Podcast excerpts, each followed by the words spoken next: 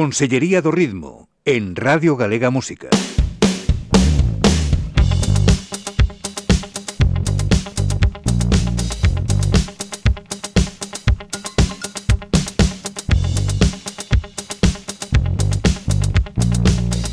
Con Tito Lesende.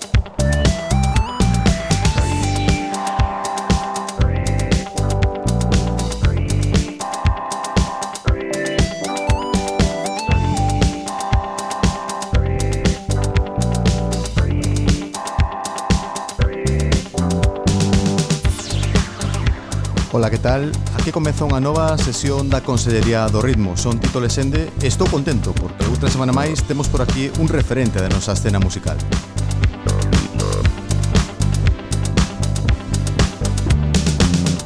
Cada semana estreamos unha conversa cun xente importante para o escaparate da música feita en Galicia e hoxe temos por aquí un persoeiro, un puntal, un gaiteiro. Oxe, visítanos o gran Xosé Manuel Budiño.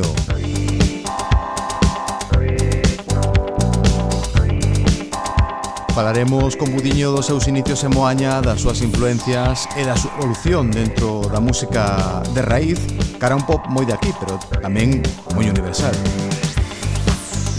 Hoxe dedicaremos unha sesión monográfica á carreira de Budiño que viviu o seu fito máis recente coa publicación dun disco chamado Fulgor, que é o seu eh, achegamento máis claro a música pop nun senso máis universal e ademais coa súa propia voz como instrumento máis significativo.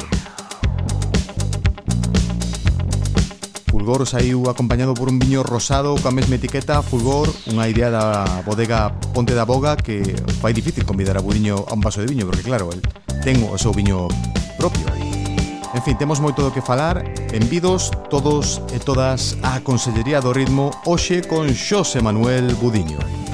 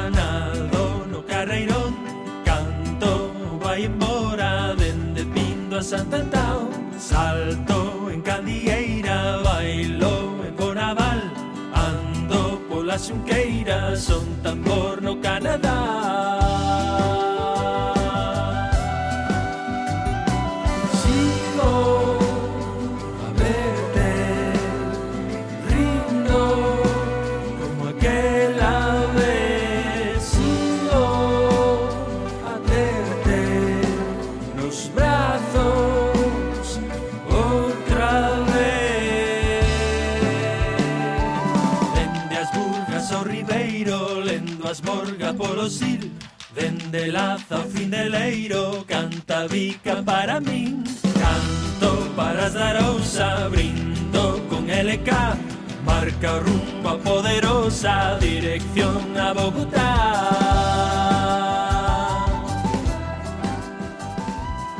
Damos a benvida a Consellería do Ritmo o señor Xos Manuel Budiño Gaiteiro, home de música. É un honor tremendo eh, terte aquí.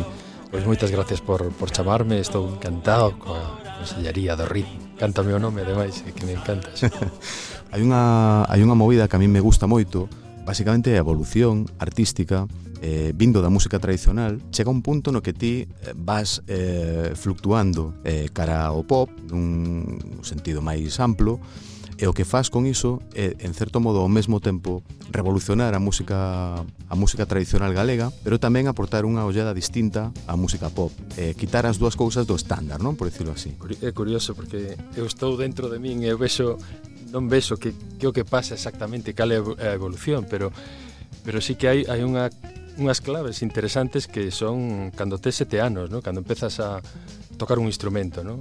Tiña moitas cantaba de pequeno e gravábamos de cintas de casete para para meu pai que estaba embarcado no mar e viña cada dous meses, no? Imagínate, entonces eh, nos cantábamos de cintas e cancións en chapurreábamos inglés ou galego que o que fora, non? E xa tiña esa vena de, de, de estar grabando, non? De que alguén me lle dese o rec, venga, eh, imos gravar. Claro, nesa pronta idade ven, ven de todo, ven música rock, ven, aparece o jazz, aparece a música galega, aparece de todo, non? Cando tiña sete anos, non? Unha sí, cousa. con sete anos, eu empezo no, no colexio, hai unha asignatura, unha asignatura que se chama música, que era a primeira vez, non? E uh -huh. recordo que o profe me dixo Eh, e que decir aos teus pais que, que tes que traer unha flauta, ¿no? Para estos 40 rapaces uh -huh. que, que están tocando, ¿no?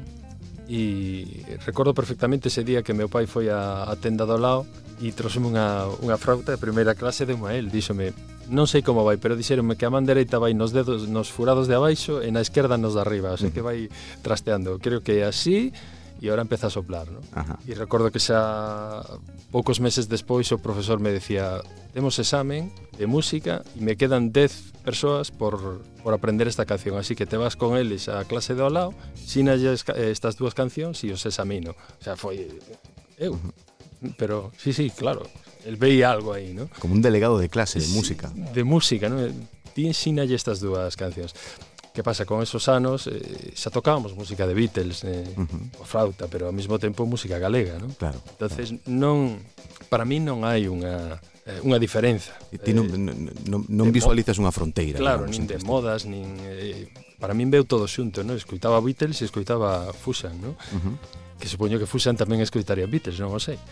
Que che dá a ti, Moaña, para seguir? Porque segues aí, non? Naciches en Moaña, pero segues vivindo en... Segues vinculado con, con Moaña e vivindo, vivindo ali, non? Sí, ainda que vivín tamén anos en Compostela, foron uh -huh. anos eh, maravillosos tamén de, de, de poder interactuar coa, coa escena cultural eh, da cidade, non? Sí. E, e algo tam tamén que, que voto de menos de vez en cando, sí, sí. Pero bueno, eh, veño habitualmente a, a Compos. Eh, e Simoaña, pois, é, un, é un pobo cunha, cunha actividade cultural moi, moi potente nos anos eh, 70, 80, e eu pois na, nazo nesa nesa comunidade de, de bandas de música, grupos de baile, bandas de gaitas eh, grupos de rock, o sea, que había todo, heavy, jazz, había, uh -huh. había de todo, ¿no? Y imagínate que ademais podes ter a, oportunidade de conocer a Sil, ¿no? Sil Ríos, o sea, wow. que cuidado, cuidado con Sil, ¿no? Uh -huh. e, e recordo como el montaba os coros e unía as bandas de música coas corais, cos eh, que facían música tradicional, uh -huh. pois eh, pois o mellor polo Nadal ou por festas que, que, que había no pobo e conseguía xuntar a todas as a, a todas as comunidades para facer algo xuntos, ¿no? E era todo un mestre porque el, el dirixía toda toda esta toda esta xente. Estou falando de de outra das das oportunidades que tuven de, de ver a música como, como algo moito máis máis amplio e nada uh -huh. nada encasillado nin encerrado, ¿no? convivir con, con todo tipo de músicos desde moi desde moi temprana idade. ¿no? es o primeiro músico da túa familia ou non? Porque a túa familia, sendo de Moaña, un sempre pensa que estará relacionada co mar, non? Eh, directa ou indirectamente, non? Si, sí, to toda a miña familia está vinculada está, estuvo vinculada ao, ao mar prácticamente toda, non? E si, sí, foi unha xeración espontánea. Eu creo que meu avó chegou a tocar algo a, a trompeta e o seu irmán tocaba violín moi ben, ademais. Ajá. Eh, e teño algún familiar que, que tocou en orquesta sinfónica tamén con, con violín por, por diferentes eh, orquestas de Europa e demás. Uh -huh. E Sixo, que lle teño moito cariño, chamase.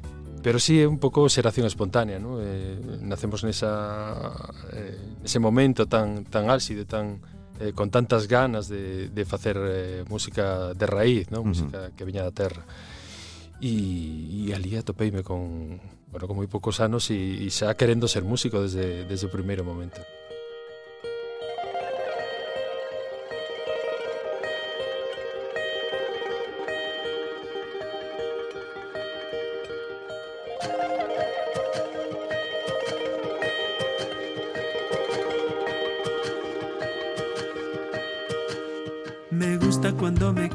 Las mañanitas al despertar. Me gusta cuando me llevas por el mercado de Coyoacán. Me empapo de tus Catrinas y de tus santos al caminar a tu lado. Navego por Xochimilco en la cementera de la flor y subo cada peldaño de la pirámide del sol. Le canto para tus mayas y tus aztecas y como no, a Frida Kahlo.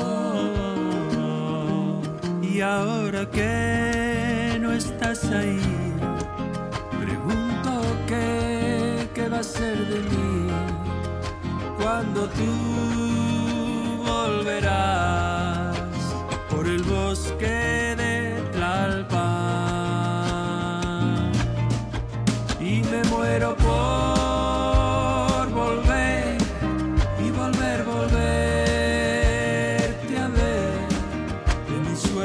sueño y te vi en mi luna como ayer. Me gusta cuando me cantas las mañanitas al despertar. Me gusta cuando me llevas por el mercado de Coyoacán. Me empapo de tus Catrinas y de tus santos al caminar. A tu lado. Navego por Xochimilco en la cementera de la flor. Subo cada peldaño de la pirámide del sol. Le canto para tus mayas y tus aztecas y como no, a Frida Kahlo. E agora que non estás aí Pregúntome que vai ser de mí Cando ti voltarás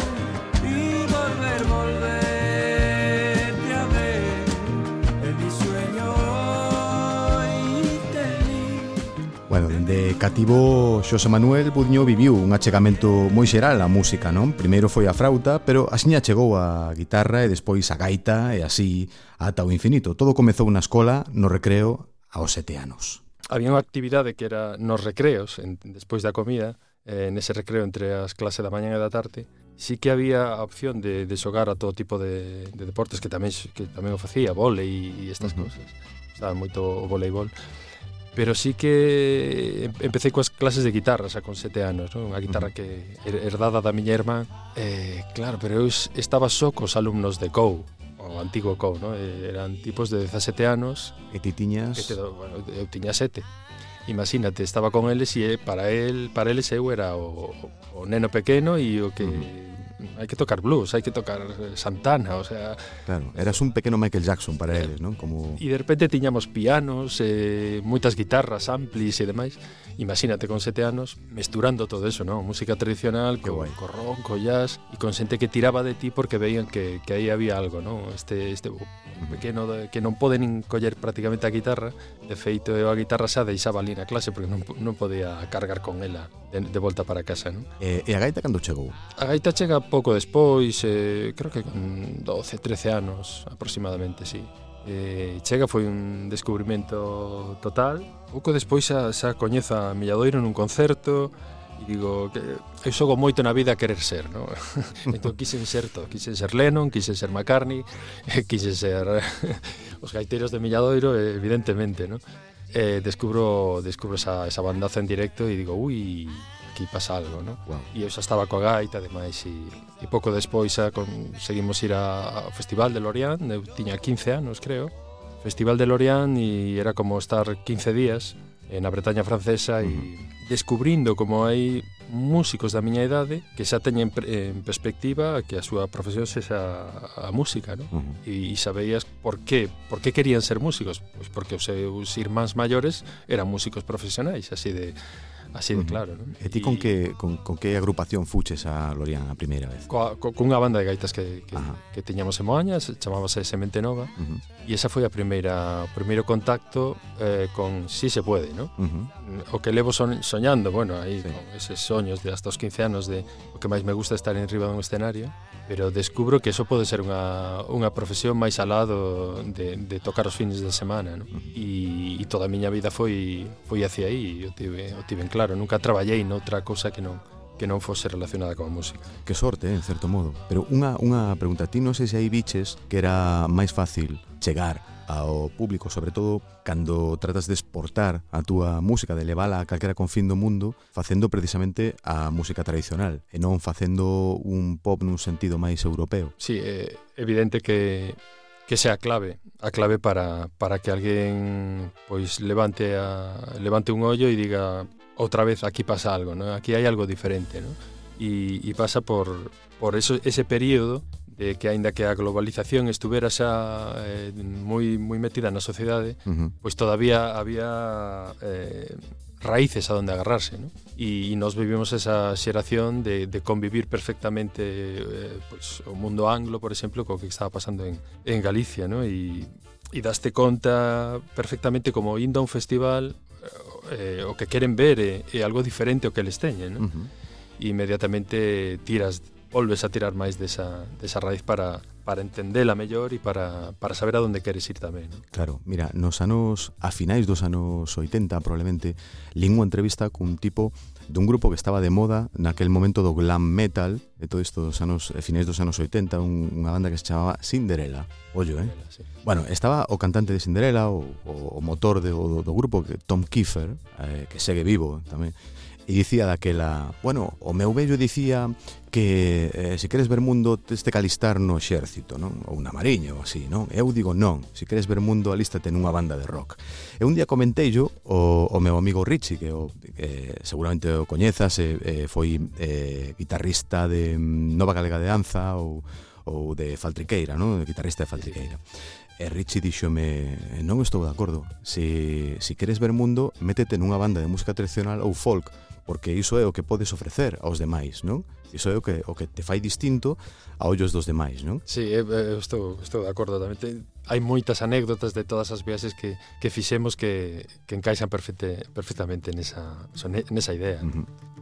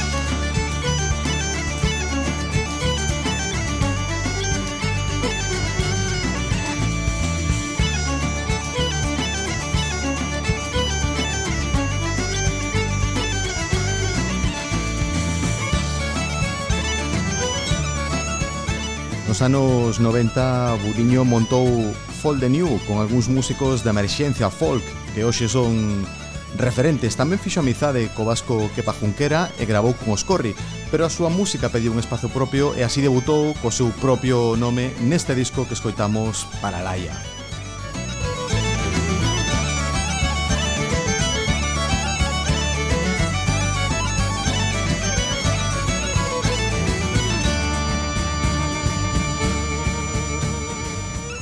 túa primeira publicación como Budiño foi Paralaia, non? Pois Paralaia nace por esa necesidade de, de facer a primeira ópera prima eh, pero de composición, ata que tuven os creo que eran 12 12 temas compostos, creo que hai un tema tradicional no medio pero ata que tuven esos 12 12 composicións feitas non non non decidín decidín facelo.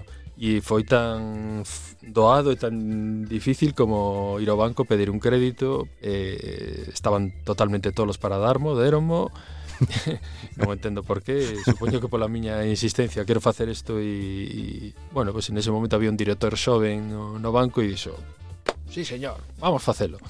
influiu que ti tamén tocabas a gaita constantemente diante da sucursal, non? Eh, Para como medida de presión. Eu creo que creo que ni me coñecía porque eh, non era de nin do povo e acababa de chegar como director novo, non? Xa. foi foi moi gracioso. E ali me plantei na casa de, de Jackie Molar, que para min é un dos grandes músicos que coñecín nestes, nestes anos, eh, sí. eh, violinista e produtor musical en Bretaña.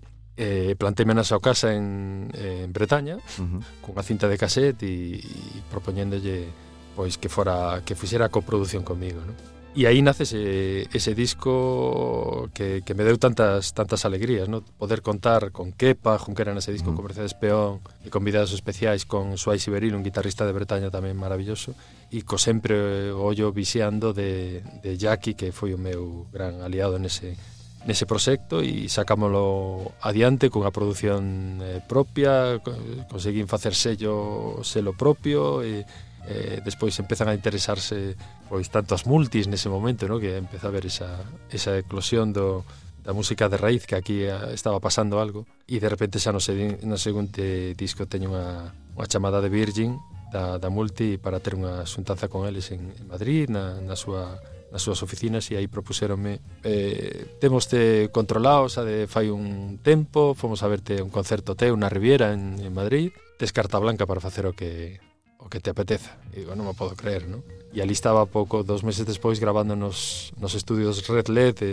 de Madrid, que eran, bueno, pues, neste uh -huh. momento dos, dos máis potentes que, que había a nivel nacional e, e pouco despois en, en Glasgow para facer as, as mesturas e a masterización do, do segundo disco, non? Xa, uh -huh. Eh, o, o folk galego e a música tradicional estaban arriba de todo eran tendencia eh, penso que a música tradicional en xeral non e o folk en xeral pero sobre todo o galego como vestí ese boom dende hoxe en día, non coa perspectiva que dá o tempo? Claro, eu eh, trato sempre de ser positivo nese, nese sentido, non? E, e, e para min ese, ese momento foi moi moi bonito porque digamos que dábache a opción de, de poder presentar o teu traballo eh, sin ter que estar chamando na, continuamente nas, nas portas, non? E se realmente tiñas algo que ofrecer, bueno, neste, neste sentido eu tiña claro que tiña que compoñer, non?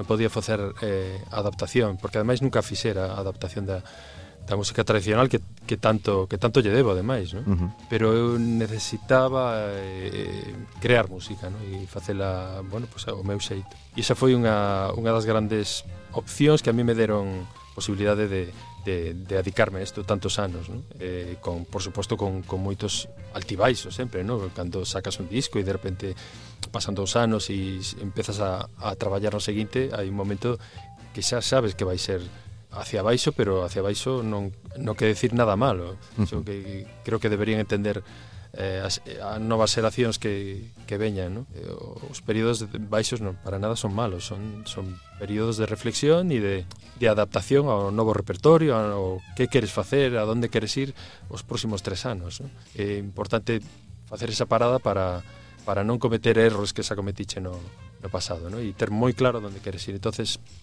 para min esa, ese momento foi foi moi importante porque viaxamos moito, foron catro continentes, eh, casi 30 países de todo o mundo que conseguimos tocar e non só unha vez nin dúas, nin tres, non? Eh, que, que os festivais consideraran que ti xa eras un artista que podía eh, estar como cabeza de cartel eh, nos seus nas súas programacións, eso eso marca a diferencia, non?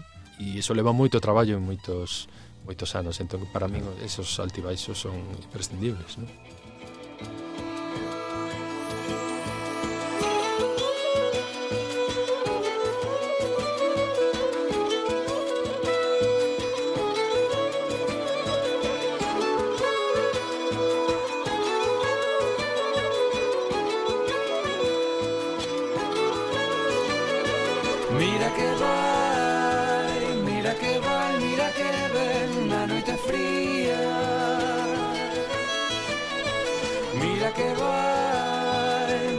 tes e que non tes melancolía.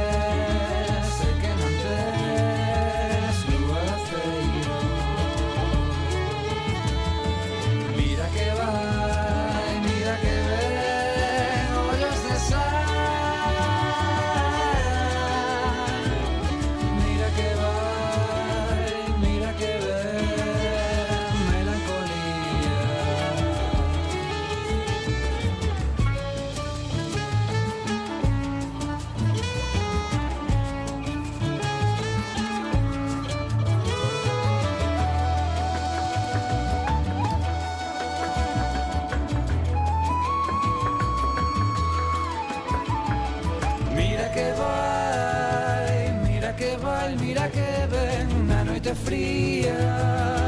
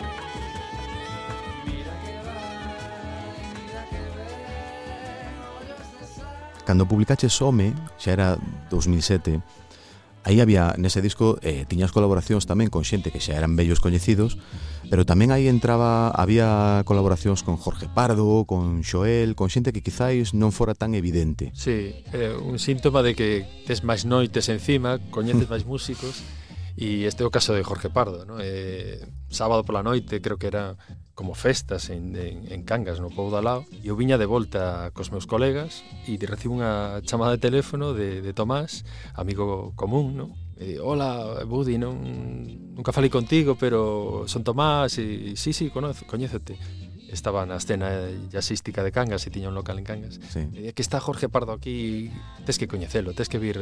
Agarrei o coche, din a volta na rotonda, volvín outra vez e acabei as 8 da mañán, pois evidentemente no seu local tocando con Jorge, uh -huh. con con xente to, cantando boleros, eh, jazz, foi increíble aquela noite. E xa sellamos un un un contrato de de amizade E pouco despois Jorge estaba xa grabando con, comigo nese, nese disco, el convidoume a outro concerto seu e é unha, tipo que admiro profundamente. Bueno, a clave de todo isto é que ti sempre fuches permeable a todo tipo de, de xéneros, non? Esa é a pregunta que che facía antes, non sei se che deu tempo de pensar eh, cales serían, por exemplo, os tres artistas ou os tres discos que máis te marcaron. Por decir tres, pues, o, evidentemente o grupo de, de Jack y Molar que, que facía música pois un pouco con esa visión, ¿no? de agarrar moi ben a raíz da música de Bretaña, pero levala ao oeste, a músicas que viñan cargadas de, de, de Bulgaria, de Rumanía e demais, e montaron un grupo que se chamaba chamábase Wers, Wers é un grupazo, hai un disco en directo deles maravilloso e aí está, para min aí está todo, ¿no? Está música de raíz, co jazz, co e coas músicas de corazón, no? digamos, e para min a música bretona é moi, moi foi moi importante na miña na miña carreira. Por outra banda me vou outro outro mundo e nese nese momento que estou na na escola de jazz en Vigo, eh, estou un día pola noite en casa e de repente na dúas poñen un Bring on the Night de Sting, no? Uh -huh. Imagínate cando vexo a Sting tocar no sin clavier e eh, estar compoñendo, no? Ele estaba tocando, grava, grava unha secuencia, grava un patrón e de repente con músicos de jazz foi ese momento que el, el dá o paso a, a carreira en solitario sí. de, de Polisa a, a, a Sting xa e ademais co seu manager que era o irmán de, de Copland o, o baterista e de repente decide facer o estreno en París, no, eh, irse a un castelo, montar toda, toda esa nova banda e gravalo. Eh, nese docu película que acaba sendo acaba co concerto en, en directo eh, en París eh, tamén marcoume moitísimo tanto a carreira de Polis como como a de Sting en solitario con todos os seus os, as súas grabacións uh -huh. e demais Radiohead marca bastante, Bjork marcou moito tamén no seu momento. Eh, e xa con, con matrícula de, de honra xa deixaría un artista galego que, que para min é a, a clave e, o, eh, e a honestidade que, que Narf, no? Uh -huh. Fran Pérez Narf foi un o descubrimento foi colosal, no? de, de admiralo no co seu disco Totem E ademais compartíamos momentos en eh, na mesma esencia en Nordesía aquí en Compostela uh -huh. e xa descubro aí a Narf en trío e demais e digo ah, aquí aquí pasa algo con este tío ¿no? e xa cando, cando descubro e, e empezo a convivir con él realmente conviví máis fora de Galicia que, que dentro ¿no? eh, nesas viaxes a Argentina, Mar de Plata, Bos Aires, estuvimos en Canadá asuntos, uh -huh. Portugal, foi un tipo que me marcou que dixemos. Se si a mí me, me, me dixeran dez anos antes que escoitaría un disco pop de Gudiño cantando, eh, non daría crédito. Pero se si mo din tres anos antes, xa non sería tan sorprendente, non? Ah, eh, eh, estaba dándolle voltas eh, moitos anos a, a esta, esta opción e era unha cuestión de, mm, de timidez, supoño, non, non o sei ata que chega o momento que NARF eh, xa é contundente ¿no? E estábamos en, eh, en Canadá conteino moitas veces isto, estábamos en Canadá nas cataratas do Niágara ademais era ese día libre que tiñamos de, de festival e ali alquilamos un carro que chegamos a, tas, a Niágara e el contábame a moitas cousas da vida ¿no? e me decía a proba de son de onte estabas cantando estaba cantando cancións de NARF con el uh -huh. que fago eu aquí? por que me trouxeche? Fran, porque necesitaba que viñeras, facer as túas cancións, a miña banda que fixera as túas cancións. Eu necesito compartir e necesito esa túa visión e, e aprender e convivir e porque te quero, o sea, para mm. así de pois eu non fago nada aquí, tes que cantar ti. E ese foi a unha das claves. Bueno, escoitamos aquí Deixame adiviñar eh, a importancia primeiro eh, da que falábamos do pouso de Narf na evolución artística de Budiño Eh, a canción que só agora pertence a ese disco chamado Sotaque na voz de outro amigo talentoso de Budiño, neste caso o portugués Antonio Zambuxo, e a letra do gran Carlos Blanco. Dico que debo quedar mm, Ese sorrir que xorde e me desarma Gosto olhar para ti sem que me poidas ver. Devo olhar e sentir cada silêncio teu. desse roncel que deixas ao passar.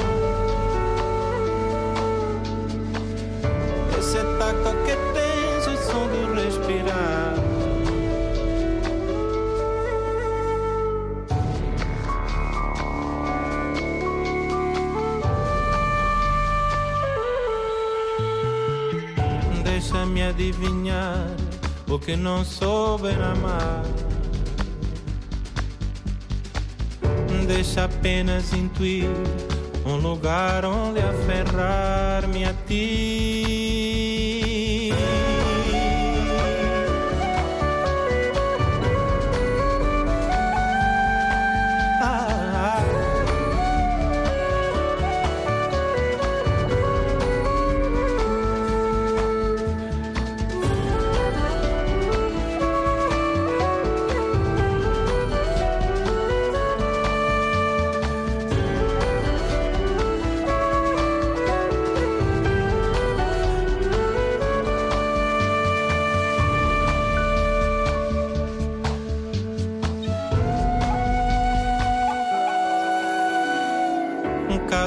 feliz que há em ti y con que debo quedar.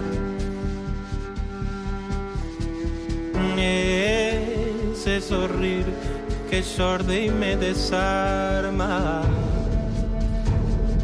déjame adivinhar o que no soube amar.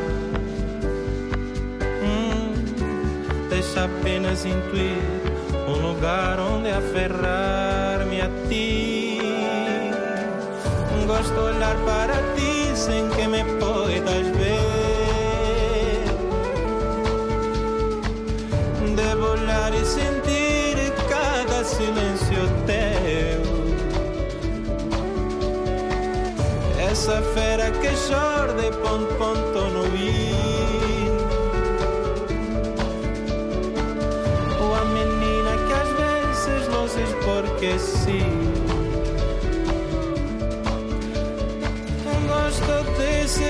Roncel que deixas ao passar.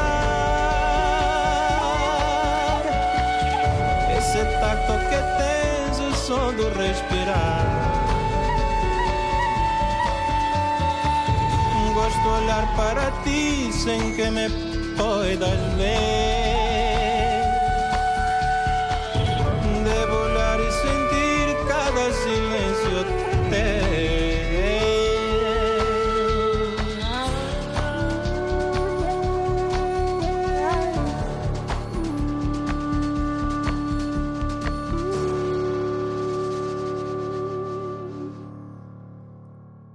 túa banda de directo, eh, pois aí tamén ilustres, non? De Fran Sanz, un tipo, un, bueno, en fin, eh, Eh, eh, Brais Morán, non? Que son un colchón moi importante tamén, porque, por exemplo, Brais ten o seu propio proxecto, chulísimo, pero aparte, el tamén é guitarrista, eh, tamén canta, non? Eh, dache un apoio, supoño que moi importante en escena, sí, non? Sí, sí, eh, que teño a banda que sempre soñei, sabes? Son, son moitos anos e, e cada normalmente cada, cada disco eh, fun, fun tendo bandas diferentes e eh, pareceme moi, moi sanador esa, esa opción de, de estar cambiando continuamente e pareceme o, o lóxico nun, nun músico que a mellor, que a mellor non ten o seu propio proxecto, no? que vaya variando e que vaya coñecendo músicos distintos e poda estar tres anos contigo, uh -huh. eh, tres anos con outra banda e de repente volver a enganchar con, comigo outra vez ou este tipo de, de relacións a mí parecen moi moi positivas e, e enriquecedoras para, para facer música e sobre todo para viaxar e Pero claro, esta banda ten, ten, ten algo especial, ¿no? porque conseguí que, que sexa un, que eles queren ensayar, esa, esa é a clave, ¿no? a clave que, que o músico te diga, cando ensayamos, ¿no? eh, e iso é eh, realmente complicado de, de atopar. Eh? Pensaba que era unha utopía, non? que o músico dun, dun, dun proxecto, digamos, dun artista, sí. que queira que teña ganas de ensayar con él, non? a ver eh, cando chama o patrón. Non? Claro, eh, entonces, eh, creo que esa é unha, unha das claves. ¿no? Con Frank, que che vou contar, é, é maravilloso, ademais de ser un músico excepcional, pois viaxando con ele eh, é toda unha gozada, non? con, con Marcos eh, na, na batería tamén, uh -huh. eh, tremendo como como está tocando, ¿no? E Brais, por suposto, Brais Brais chegou xa con fulgor eh, eh, grabado e casi mesturado e eu recordo non, no Culturgal xusto antes de presan, antes de presentar Fulgor, un mes antes o el tocaba no Culturgal e fomos velo e nun arrebato de mm, enganchei os cascos co móvil e dixenlle Brais, escoita isto. Wow, mola digo, oucho presentar de, de outra forma, non? Encantaríame que ti estiveras neste proxecto, pero quero que escoites e o penses e demais e quero que me o pidas ti. quero que non, non, non quero pedircho eu. Que el o pida leva leva implícito moitas outras cousas. Claro. E ese é o que exactamente o que buscaba. Claro, é un compromiso e, que xa non hai que pedir, non? Eso mismo. Eh, en todo este proceso, non, hai moito moito tempo tamén está aí Elena, non? Que Elena Salgado que Eh, eh, é a túa parella sentimental, pero aparte tamén eh, traballa no teu, no teu proxecto, non sei se é representante artística ou é unha desas figuras que agora chamamos 360, non? Non sei, sempre falamos da conciliación, pero aquí é unha conciliación moi particular, non? Non sei como levades, se tedes un pacto de falase de traballo hasta esta hora e despois desta hora xa non, eh, xa poñemos Netflix ou que como como é como como te desapañado. A partir das 10 non se fala de traballo, pero eh, desde fai moitos anos eh, eu aprendín a pagar as máquinas ás 10 da noite e foi a salvación. Porque eu, como moitos outros músicos e produtores, eh, acababa enganchando ás 3, 4, 5 da mañán ou que sexa, no? porque tes o propio estudio na casa, tes o síndrome do pixama, este tipo de cousas que, que tes que saber controlalas. No? E, e chega unha idade que dice hai que poñer unha hora, no? Ás 10 da noite se apagan todas as máquinas do estudio e non se fala de traballo, non? E iso é eh, tamén sanador, pero normalmente as mañán son as que se utilizan para, para todo todo o tema de burocracia ou, ou xestionar xestionar e logísticas eh, claro, faise, faise todo o traballo desde casa de, de management, de booking de promo, publicidade, absolutamente todo o que mm. o que se chama 360 que co inventaron con Robbie Williams precisamente, ¿no? Mm. Eh, foi o primeiro artista que a súa discográfica lle, lle fixe un 360, bueno, renunciando mellor un 50% do, do, dos seus beneficios. ¿no? Quedé enganchado con ese concepto do síndrome do pixama, non, non coñecía do síndrome do pixama. Sí, é algo que costa, eh, costa salir del, é unha, unha enfermedade crónica, pero, pero ten, ten saída, sí. É tan, tan sinxelo como poñer outro chándal outra camiseta que non utilices para estar na casa e outras tapas. É imprescindible que, que teñas outras tapas. Tens que cambiar todo o vestuario e de repente cambia, cambia a perspectiva.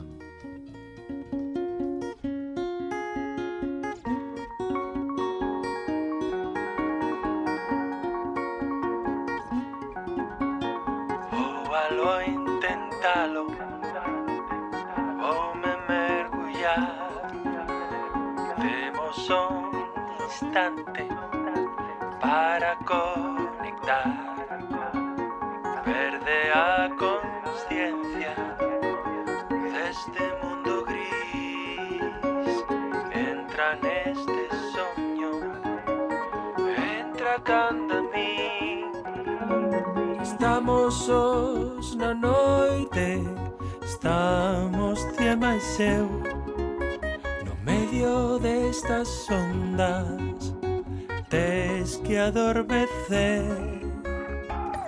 Oh,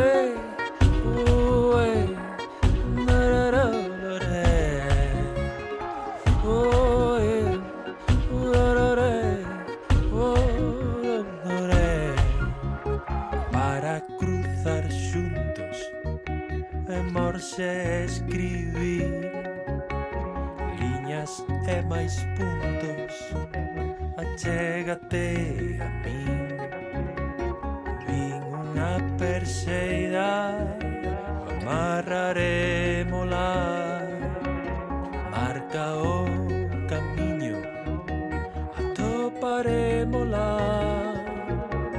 estamos sós na noite estamos tie máis eu no medio destas ondas tes que adormecer mañán, cantou de mañán, cantou na mañán de alguén. Lévame deste frío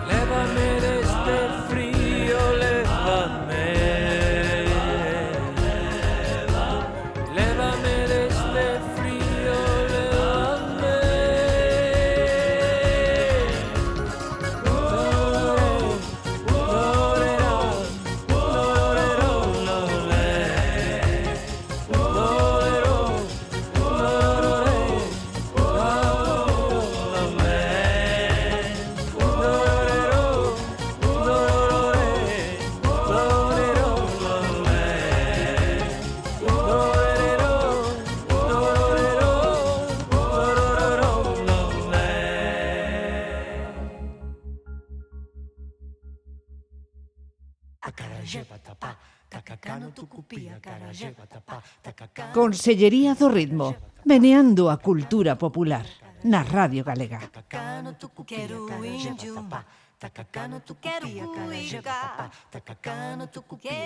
Bueno, este indicativo que soa non ten relación aparente con Budiño, é a banda coruñesa Turma Caipira. E aproveito para lembrar eh, que a sintonía de entrada da Consellería do Ritmo eh, o primeiro que soa cando enchufas este programa é unha composición do gran produtor Juan de Martín que, que si colaborou con Budiño en diversas ocasións Galicia é un planeta de talento e hoxe o protagonista é Xosé Manuel Budiño durante o último cuarto de século gran referente da música galega no mundo. Tocaches en Marrocos, tocaches en Canadá, en China, en, en Colombia, en México, no Reino Unido, bueno, en varios lugares das illas, non? En Francia, por suposto, en, en moitas en moitas ocasións, tamén en, en Xordania ou en Siria.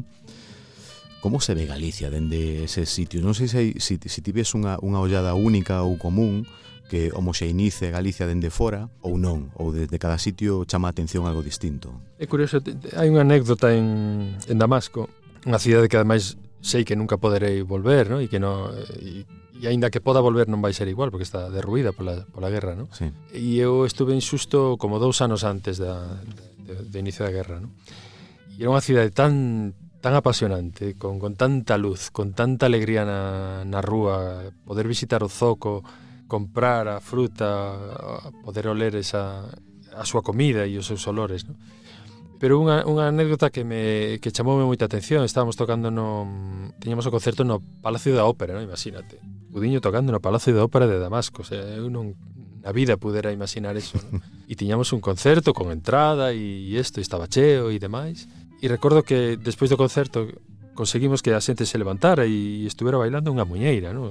A Fonte da Pedra, unha canción, non, unha muñeira que eu compuxen para a miña nai, do disco Paralaya, ¿no? E recordo eh, xente que veu saludarme de, ao acabar o concerto de, e, e decíame é que hai algo na túa música que é noso, que o sentimos como noso. Non sei exactamente o que é, porque non somos músicos, pero conseguiche conectar con a parte do ADN que é noso. E eu decía, claro que vos, que a gaita naceu aquí. A gaita nace en Mesopotamia e, sí. e logo vías hacia hacia Occidente mm. simplemente unha música de, de ida e volta. O sea, eu estou vos traendo que eu o que vos conseguistes é crear, ¿no? Eh, foron hacia outros continentes e demais, pero eu volvo a traer esa música hacia, hacia vos, mm. expoñela e, e por suposto con, con todas esas outras influencias que ten a música galega de, de toda a música que vai, que vai chegando e que, que hai na península e que, que se vai creando en Galicia, ¿no? En que, en que lugar atopaches un choque cultural maior con Galicia? Posiblemente en Shanghai, en, en China, eh, donde se aparta un pouco máis ¿no? da, desa posibilidade de encontro, pero sem, sempre hai eh, pues, na rítmica e, e en algunhas armonías e demais sempre hai moitas similitudes no? nas músicas de, re, de raíz dos povos. No? Hai, hai como unha, unha cousa túa que transmite eh, como paz e tranquilidade, non? Ese sorriso que normalmente tes, sobre todo cando estás no, no escenario. Non sei se nestes tempos difíciles que vivimos ti realmente te sintes tan tranquilo ou eres capaz de, de manter esa paz por dentro se nos podes pasar algunha receita ou algún recurso. Igual é a paz nese, nese momento porque estás no, no momento que estás desexando, que, que estás preparando durante moitos meses ou moitas horas, e realmente o, o último paso de, de estar moitos meses encerrados para compoñer e, e, e crear músicas novas, non? E supoño que coa idade tamén aprendes a, a gozar dese, dese momento cara ao público. Eh, e iso é algo que aprendí tamén de, de, de grandes amigos como Carlos Blanco, ¿no? Uh -huh. De unha lección eh, brutal un día na, na Praza Quintana, nos meus primeiros discos, que convidei a, a, a cantar comigo un rap, facíamos un rap en galego, era maravilloso. Sí, sí, sí. E, e recordo susto antes no momento que xa estaba toda a banda encima, enriba do escenario e eu sa, e saía nese momento álxido aí coa, coa gaita e era o primeiro do tema, ¿no? E el dame un abrazo e, Budi, xa sabes, agora quítate toda a presión que levas todo o día metido no corpo, de, de que todo salga ben do repertorio, da iluminación, do, dos, dos hercios, das mesas de, de son, dos inalámbricos, del cable...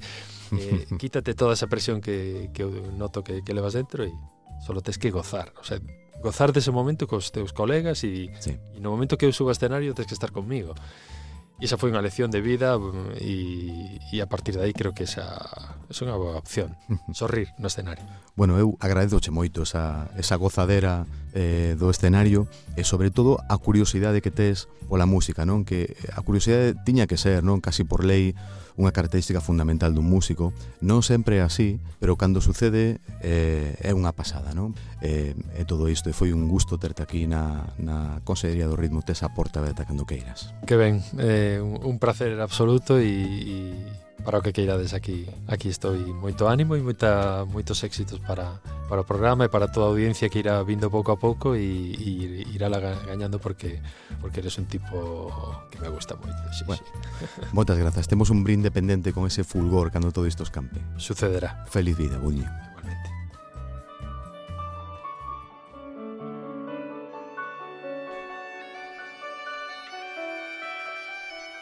Budiño falou e falou ben. Foi un gustazo, eh?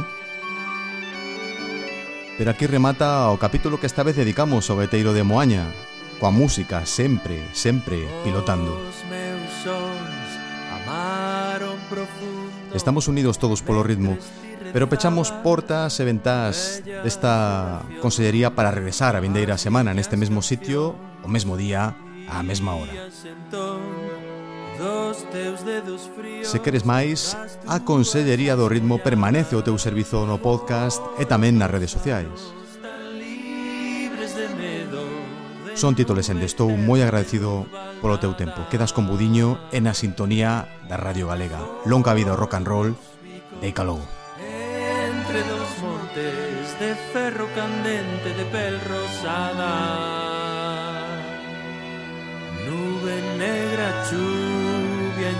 está.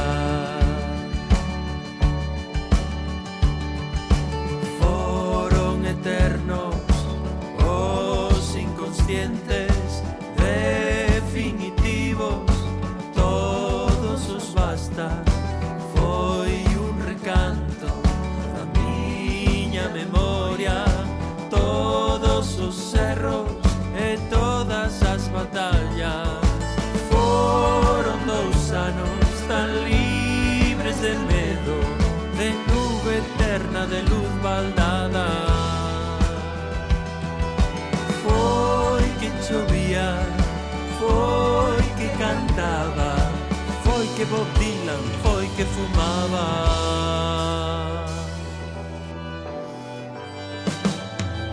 Fumábamos, escoitábamos Música de vellos Para non ser disonantes.